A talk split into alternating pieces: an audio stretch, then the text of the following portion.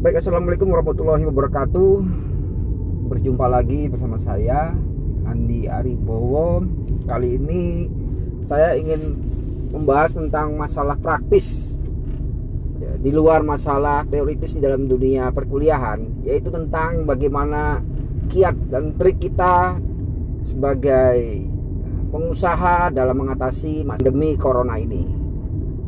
Yang pertama adalah di industri food and beverage saya kasih contoh misalnya di warung makan.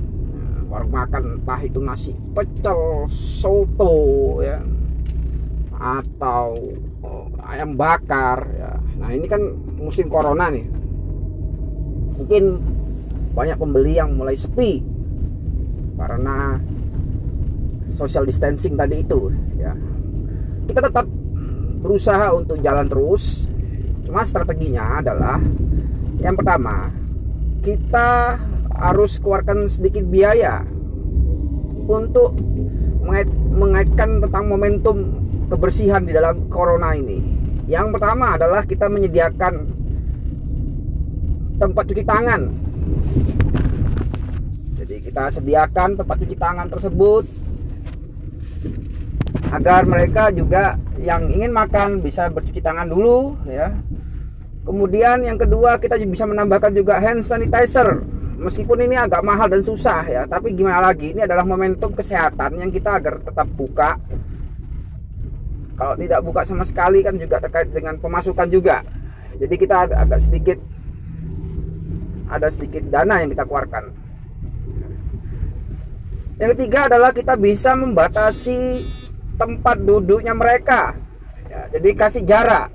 Ya, istilahnya ada jarak ya minimal satu meter atau kita main amannya 2 meter. Ya. sehingga mereka tempat duduknya berjauhan. Ya. dan yang keempat adalah kita perbanyak program delivery order.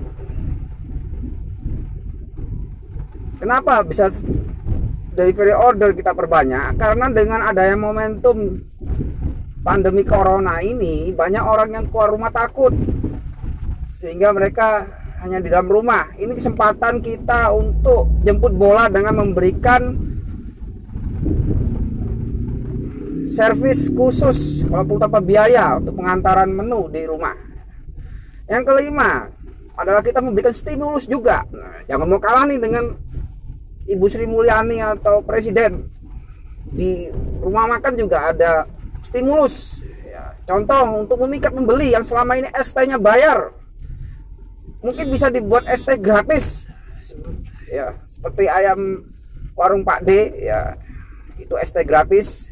Kenapa ada stimulus ini diperlukan? Karena dengan daya beli masyarakat yang mulai turun dengan ada stimulus ini diharapkan mereka sedikit ada daya beli dan daya pikat.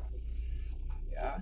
contoh misalnya beli nasi pecel sepuluh ribu rupiah. Kalau sama minumnya tambah tiga ribu tiga belas ribu rupiah Nah ini termasuk juga kalau nasi pecelnya harganya tetap 10.000 dengan minum gratis ini juga sebuah um, godaan untuk mencoba karena lumayan uangnya bisa sedikit ditabung untuk hal-hal yang lain apalagi minum es teh sepuasnya. Tapi jangan sampai membawa botol besar ya nanti bangkrut yang jual. Oke itu dulu aja terkait tentang pandemi corona ini ya. Bagaimana tips dan triknya besok-besok episode berikutnya adalah di industri yang lain. Karena ini di industri food and beverage untuk yang jual makanan dan minuman atau rumah makan dan warung ya. Oke demikian tips dan trik praktis dari saya. Semoga berguna dan kita kembali di segmen berikutnya lagi. Terima kasih. Assalamualaikum warahmatullahi wabarakatuh